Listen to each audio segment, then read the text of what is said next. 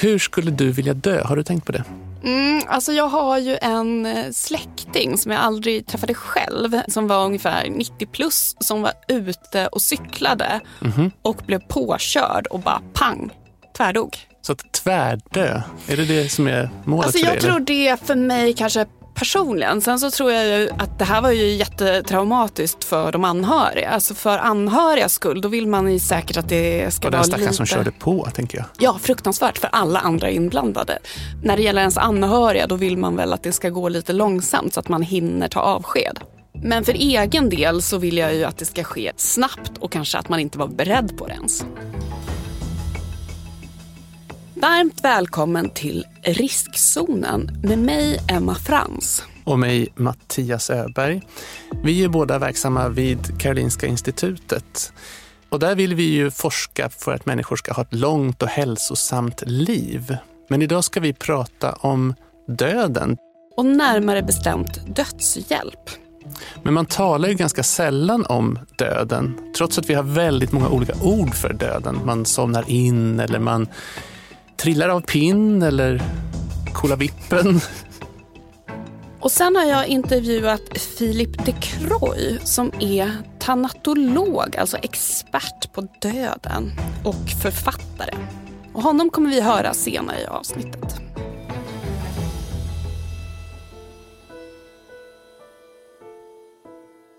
Den 29-åriga Aurelia Brauers lägger sig på sin säng för att dö. Hon kramar sitt gosedjur, en rosa dinosaurie, och ur högtalarna strömmar hennes favoritmusik. Aurelias närmaste vänner är samlade runt henne när hon dricker den medicin en läkare ordinerat.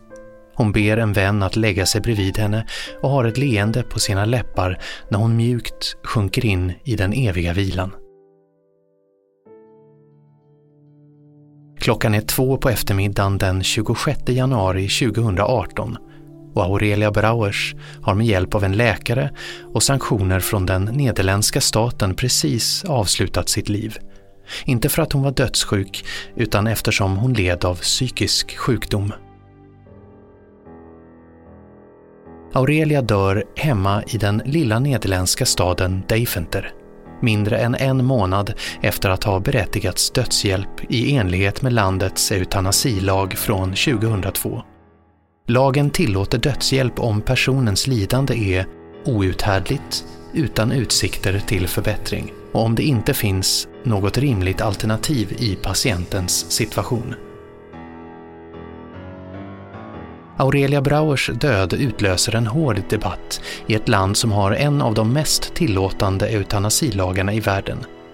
För lagen ger inte bara personer med en terminaldiagnos som obehandlingsbar cancer eller ALS rätt till dödshjälp, utan också ibland till personer med psykiskt lidande som i fallet med Aurelia Brauers. Aurelias önskan om att dö beror på att hennes liv varit präglat av ångest, depression, ätstörningar och psykos. När jag var 12 led jag av depression och när jag först fick diagnosen sa de att jag hade borderline personlighetsstörning, berättar Aurelia för det nederländska tv-team som följer henne under hennes sista två veckor i livet. Andra diagnoser följde. Kontaktstörning, kronisk depression, jag är kronisk självmordsbenägen, jag har ångest, psykoser och jag hör röster.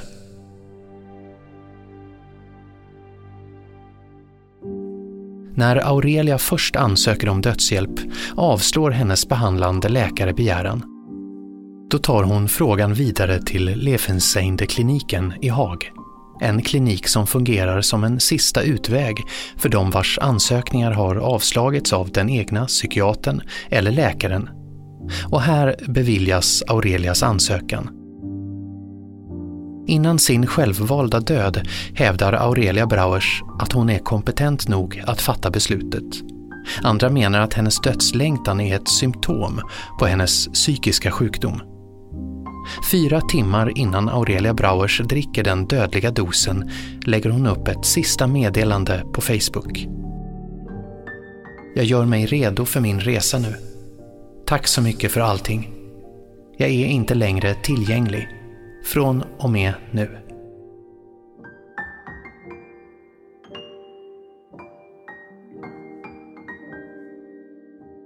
Mattias, hur ser du på dödshjälp?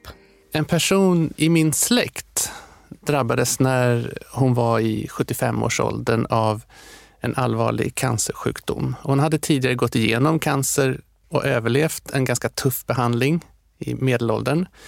Men nu kände hon att hon vill inte ta emot den här tuffa behandlingen, utan hon var liksom nöjd med sitt liv. Hade inga barn.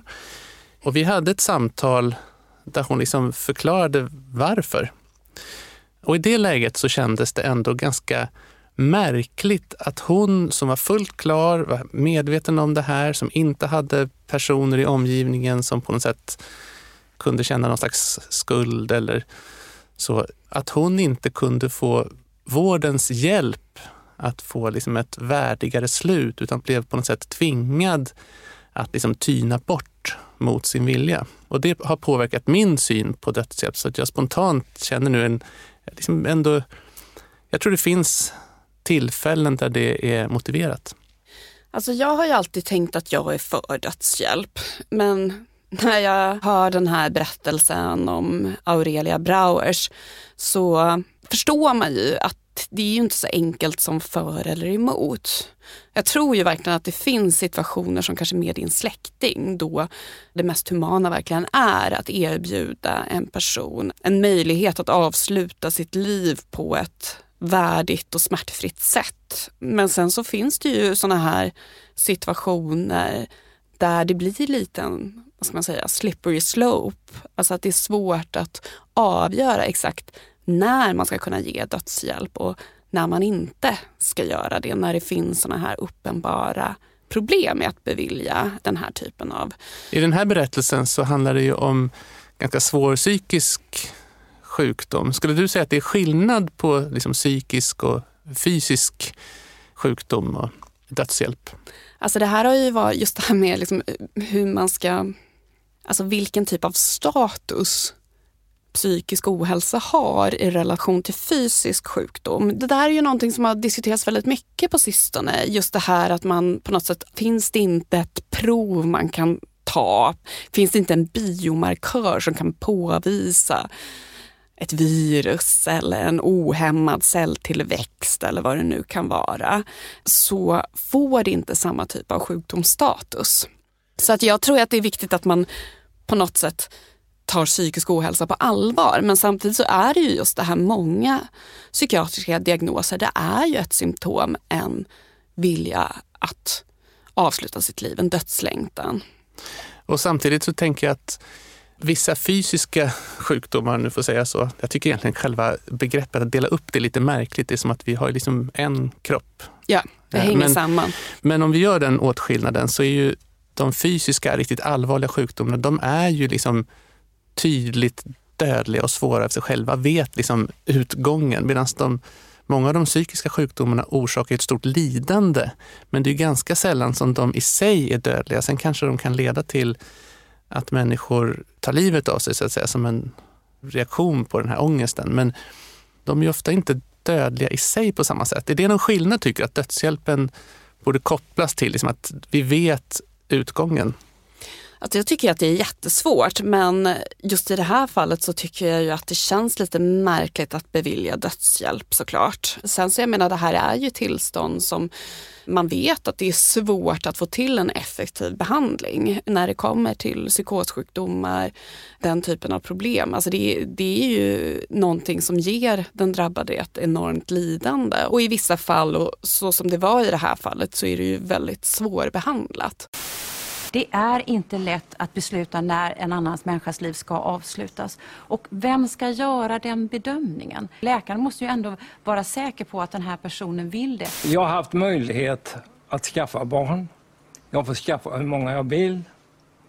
Jag får vara med eh, och besluta om abort. Men jag får inte besluta om mitt eget liv.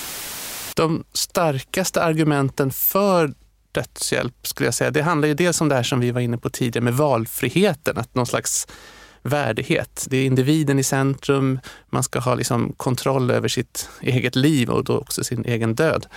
Men också att man ska slippa plågas. Och när palliativ vård inte så att säga hjälper. Det är klart att du kan ge väldigt mycket liksom, ångestdämpande mediciner och stötta upp med smärtlindring och sånt. Men alla som har sett svårt sjuka människor vet ju att den palliativa vården, det är fortfarande ett stort lidande. Men det innebär... Ska vi förklara palliativ vård? Ja. Det är en typ av vård man får när man har en livshotande sjukdom som man inte kan bli botad från. Så att Syftet kan vara att förebygga och lindra symptom men kan också bidra till att förlänga livet. Mm. Och syftet är att man ska ha, liksom, trots att man har den här sjukdomen, man kan inte bli frisk från den, så ska man ändå ha det så bra och symptomfritt som möjligt. Men apropå det här med dödshjälp som ett alternativ till palliativ vård. Det var någonting som jag pratade med Philip de Croy om. Jag är tanatolog och doktorand i systematisk teologi. Det innebär att jag har läst kanske osunt mycket om religion i allmänhet och döden i synnerhet. Och han sa så här. Det som har varit en farhåg då, palliativ vård, vård i livets slutskede, är oerhört dyr. Den kostar stora summor. En regionpolitiker kanske känner ett krav att pressa ner kostnaderna en läkare behöver hålla sparbeting på sin avdelning. Finns det en risk att det blir en kostnadseffektivisering? Det andra är ju vad händer om man känner att man är till belastning för inte bara samhället då i det här fallet, att det kostar mycket av det gemensamma skatteuttaget utan också för sina anhöriga i tid och engagemang och smärtan att se sina anhöriga tyna bort. Och då är det en farhåg där också, att vad gör det med människovärdet och med de som känner så?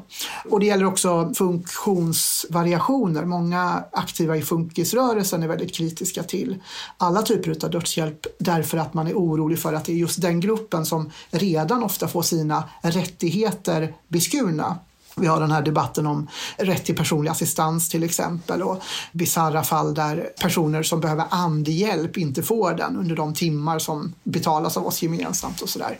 Och då är man orolig för att det här kan ju då bli en eh, väg bort från livet för just den redan utsatta gruppen.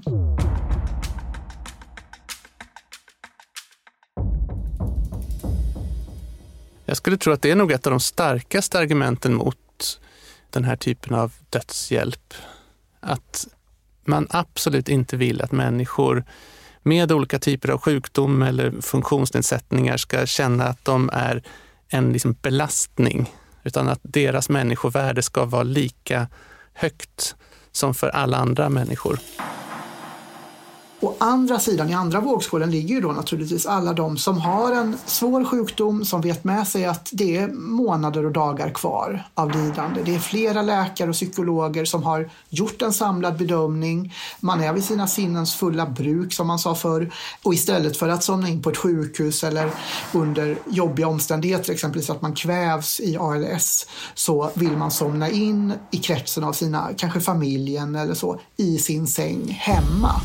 Så det är ju två sidor av de olika exemplen som finns ofta. Just om man tittar på allmänna opinionen, om man går ut och frågar folk på gatan, vad tycker du om dödshjälp? Då säger många precis som jag trodde att jag själv tänkte, just det här att det är klart jag är för dödshjälp.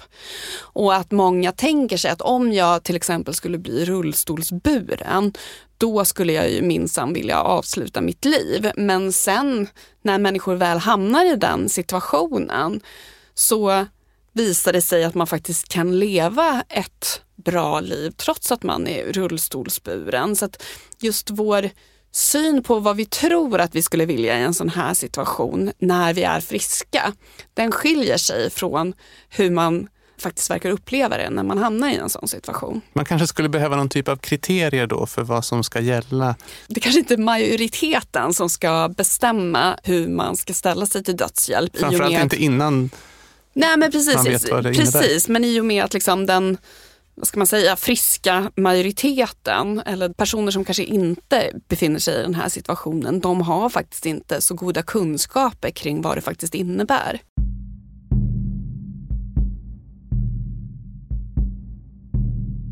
Det är höst 1939 när Adolf Hitlers Nazityskland initierar eutanasiprogrammet Aktion T4. Begreppet eutanasi har sitt ursprung i antikens Grekland och kommer ifrån de två grekiska orden eu, som betyder god, och thanatos, som betyder död. Med eutanasi menas alltså god död, där ingen smärta, ångest eller annan plåga förekommer. I antikens Grekland och Rom praktiseras eutanasi genom administration av giftiga växter. Redan då var frågan kontroversiell och diskuterades flitigt.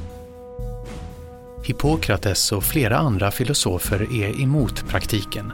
I den hippokratiska eden säger den grekiske läkaren att han varken skulle kunna övertygas att ge någon gift eller råda någon att ta det. Ordets ursprung till trots så är god död knappast något som beskriver Nazitysklands eutanasiprogram. Aktion Tefia omfattar personer som har någon form av funktionsnedsättning, psykisk sjukdom eller som har drabbats av ärftliga sjukdomar. Kliniker och institutioner över hela Tyskland ombeds fylla i formulär med upplysningar om sina patienter och skicka dem till Berlin. Formulären bedöms av läkare som avgör vilka patienter som ska inkluderas i programmet och i anslutning till särskilda anstalter byggs gaskamrar. När patienterna tror att de ska duscha gasas de istället ihjäl. Därefter kremerar personalen kropparna för att dölja alla spår. I en utställning av Forum för levande historia får vi höra Roberts berättelse. Robert var ett av alla de barn i Nazityskland som betraktades som livsovärdig. Vid förlossningen skadades hans högra höft och han var därför tvungen att bära korsett och specialskor. 1942, när Robert är fem år gammal, kallas han till ett annex till universitetssjukhuset i Heidelberg som drivs av katolska nunnor. Läkarna undersökte mig medan min mamma satt utanför vid dörren. Hon hörde läkarna prata och hur de till slut sa efter lunch ger vi honom en spruta så att han somnar in. Mamma gick till nunnorna och sa Min son kommer att stanna här men låt mig ta med mig hans kläder hem.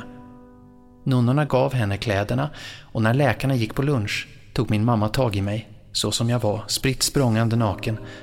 Vi försökte lämna klostret men en nunna hindrade oss från att komma ut. Medan nunnan hämtade hjälp sprang vi ut och ner till floden. I den höga vassen klädde mamma på mig och vi åkte hem.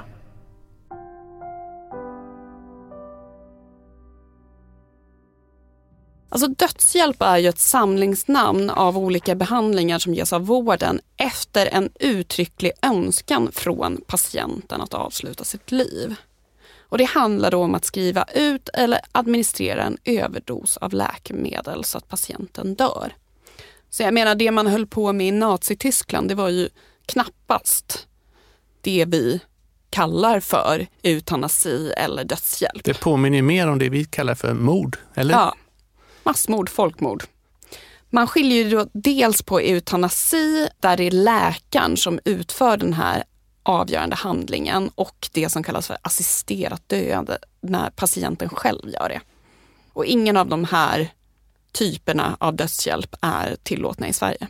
Den här berättelsen om Robert och hur hans mamma lyckas rädda honom från att sjukhuspersonalen ska ha ihjäl honom visar ju ändå hur viktigt det är att kanske hålla livets vad ska jag säga, helighet och orörbarhet. Att läkarna inte ska ha det här som en liksom möjlig behandling eller vad man ska kalla det för. Utan att de ska arbeta i livets tjänst kan man ju säga. Och hur, hur svårt det kan vara att ha det synsättet om du samtidigt ska ha dödshjälp. Även om du så att säga bara jobbar med att hjälpa någon annan att ta sitt liv. Det är kanske det som gör att Läkarförbundet och andra har varit väldigt negativa till alla former av dödshjälp skulle jag säga. Några som också är negativa till dödshjälp det är ju personer som är religiösa. Mm. Och jag vet ju att du är kristen och ganska aktiv. Får man ja, säga. men jag går i kyrkan regelbundet och det betyder mycket för mig. Det gör att jag får kanske också en annan syn på inte bara mitt eget liv och meningen med det, men också på hur jag tänker mig att jag ska förhålla mig till andra medmänniskor. Tror du att det påverkar din syn på livet och din syn på dödshjälp? Ja, men lite så. Alltså jag, som troende så är det klart att då blir ju livet just heligt, någonting som är liksom unikt, givet av en högre makt på något sätt. Men också någonting väldigt, man har en positiv syn på livet. Det är någonting gott i grunden, den inre kärnan av livet på något sätt. Många tror ju att man som troende har en väldigt fokus på döden, man är rädd för döden. Men jag skulle säga att poängen med tron är ju att det ger liksom ett hopp om att liksom, ja, men allting vilar i Guds händer, är ett sånt här uttryck som vi kan använda i kyrkan till exempel. Och poängen med det är ju att det gör det lättare att leva, att du kan fokusera på uppdraget att vara en bra medmänniska, att det är ett väldigt fint uppdrag. Det är ju kanske inte tron på himmelriket alltid som är det som är liksom kärnan och gör att folk vill gå i kyrkan av någon slags rädsla för döden. Men när det gäller dödshjälp så tror jag att det finns liksom två huvuddelar av de religiösa argumenten mot. Det ena handlar om livets helighet, att det, så att säga, det är inte upp till människan att avgöra. Och det andra som jag egentligen tror är det huvudsakliga argumentet, det handlar ju om hur ska vi se på svaghet? Människor som står inför döden eller som har svåra sjukdomar. Att deras människovärde inte ska naggas i kanten. Det tror jag är det huvudsakliga skälet. Om man ska förenkla skulle man kunna säga att på båda sidor är det värdeargument, men argumenten mot är oftast kanske ännu mer värdeorienterade. Det handlar om kanske religiösa motiv, att livet är res sacra miser, alltså att människan är helig men svag, att det måste finnas utrymme för svagheten och att när vi öppnar för det här då tar vi bort möjligheten att brista, att vackla i livet. Att livet är Guds gåva, det får inte styras och ställas med av människor. I den diskussionen finns ju ofta liknande frågor. Det kan handla om allt från stamcellsforskning till aborträtten till andra typer av frågor som berör berör just gränslandet liv och död. Dödsstraffet naturligtvis också. Så dels är det ju det. Sen är det ju det då att det finns ju de här integritetsskälen. Människor, särskilt i västvärlden, vi är väldigt mycket individualister. Vi är måna om vår kroppsliga autonomi om vår integritet, om vår tankefrihet och att man upplever sig förmyndigad av någon annan. Att jag inte är bemyndigad att fatta beslut om mitt eget liv och framförallt mitt eget livsslut. Och jag måste utsätta mig för förnedring, för smärta, för plågor, både för mig själv men också, om man vänder på det då, för de anhöriga. Därför att det är naturligtvis så att, att se någon förälder, syskon eller barn i värsta fall tyna bort i en sjukdom som innebär oerhörd smärta psykisk och fysisk. Det är ju påfrestande för inte bara individen själv utan också alla i närheten. Och där finns en djup inställning då att man känner att det här måste jag ju få äga själv. Jag måste få välja hur jag somnar in, när det sker och på vilket sätt det sker. Och att om man då till exempel, som ALS är ju då en neurologisk sjukdom där musklerna tynar bort i kroppen och till slut så förlorar man ofta kontrollen över andningsmuskulaturen vilket gör att man kvävs. Och det är klart att det finns en panik och en rädsla inför att behöva vara med om det slutet. Istället för att då få ta en utskriven dos av någonting och somna in. Det är klart att det är helt olika scenarier som man föreställer sig. Och det tycker jag man ska ha väldigt stor respekt för också. Jag tycker det här är en alldeles för svår diskussion för att den tjänar verkligen inte på de här dualistiska motsättningarna med svart och vitt utan mer att mötas i samtal om vad det innebär att vara människa och vad det innebär när vi faktiskt närmar oss slutet oavsett när det sker. På vilka premisser kan det få ske och vem ska få äga det beslutet? ALS, amyotrofisk lateral skleros, är sjukdomar där de motoriska nervcellerna dör, vilket leder till tilltagande svaghet i muskulaturen. Med tiden får den som drabbas allt svårare att röra sig och ofta även svårigheter att svälja och tala. Till slut avlider den sjuke. Det finns ingen botande behandling mot ALS. En svensk man i 60-årsåldern insjuknar i ALS 2018. Han blir delvis förlamad och får svårt att andas på egen hand. I Dagens Nyheter berättar mannen hur sjukdomen har förstört hans liv. Två minuter efter att jag fick diagnosen tänkte jag, jag vill ha kontroll över hela mitt liv, inklusive döden. I början av juli 2020 ska han och hans familj ha åkt till en klinik i Schweiz för att få dödshjälp. Men coronapandemin sätter stopp för resan. Istället får han hjälp av den pensionerade läkaren Staffan Bergström. Omgiven av sin familj sväljer mannen på egen hand medicinerna i sitt hem. Efter ett par minuter avlider han.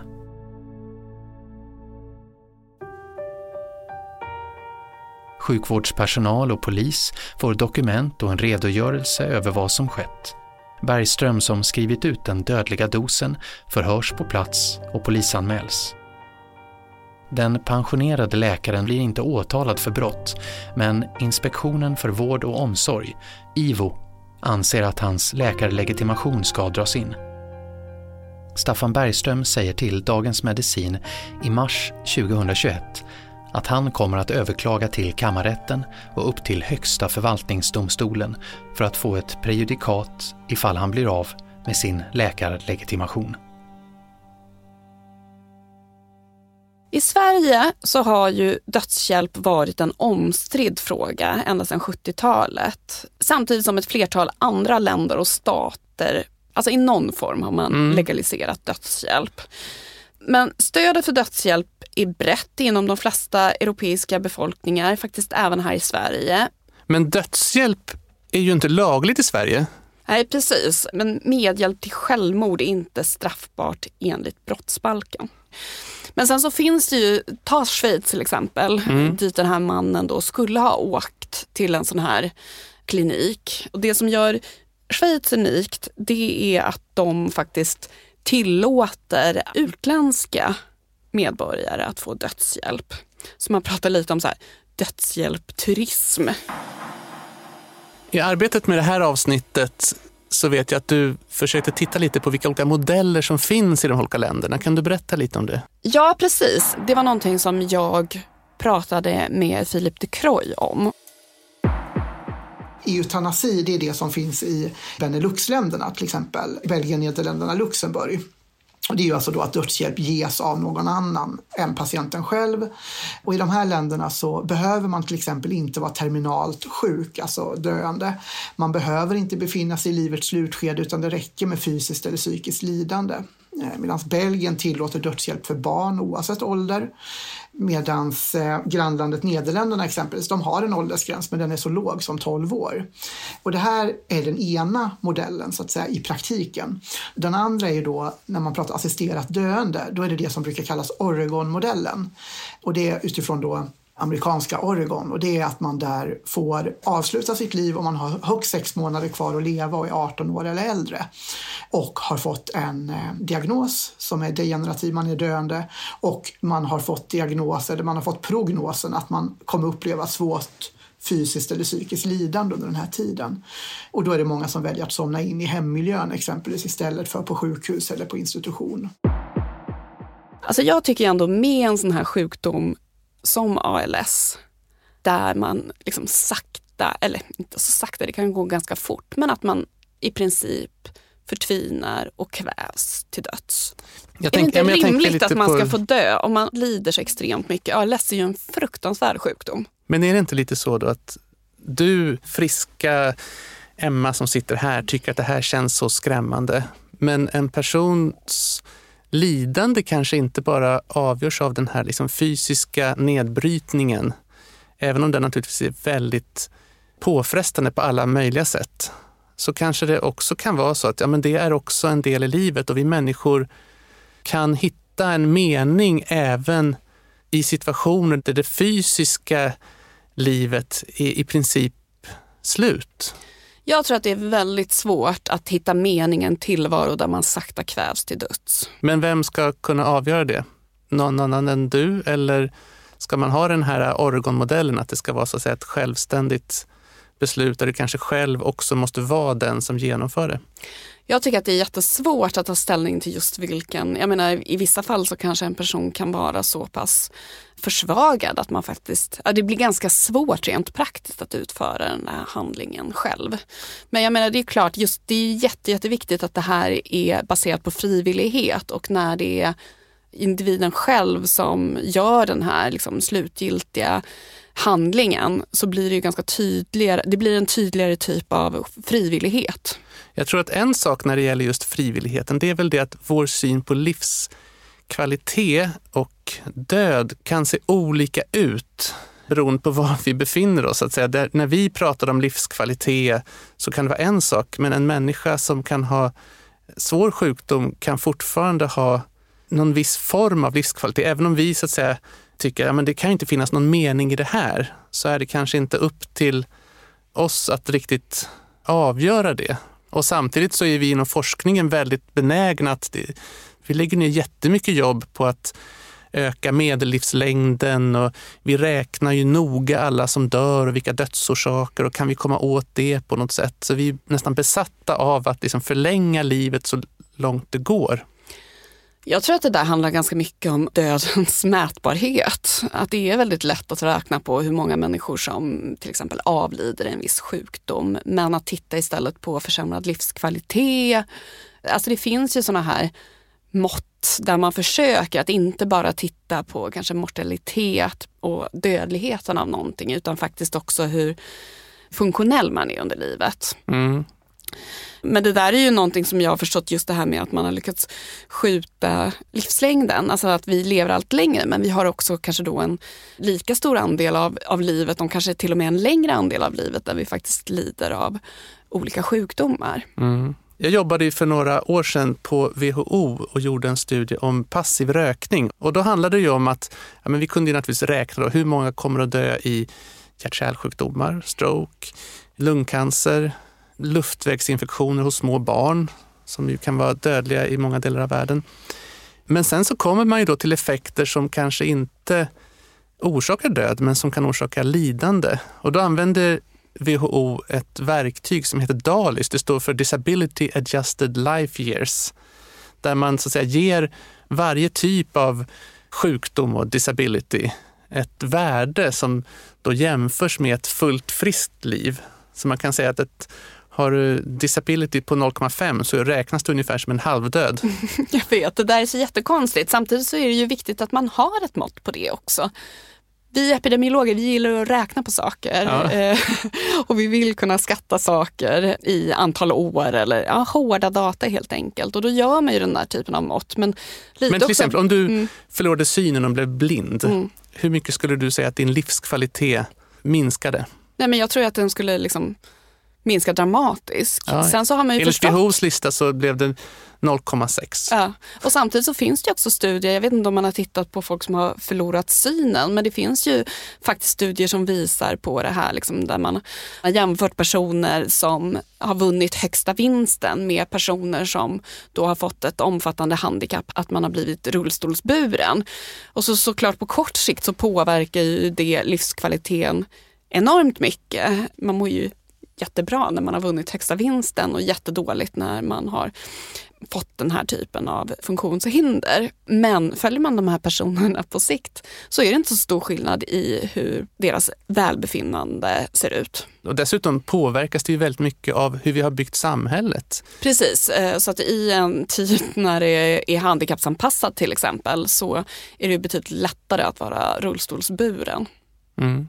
Samtidigt så är det ju också så, jag menar i en situation där, alltså om vi pratar om det här med risker så är det ju liksom självklart att man ska minska risken, även om det på individnivå går att leva ett gott liv med olika typer av funktionshinder så är det ju viktigt att man minskar den här typen av risker i vår miljö. Och då kan det ju vara viktigt att man faktiskt tar hänsyn till försämrad livskvalitet det läkarförbunden då är inne på det är ju att läkarens primära uppgift alltid är att rädda liv.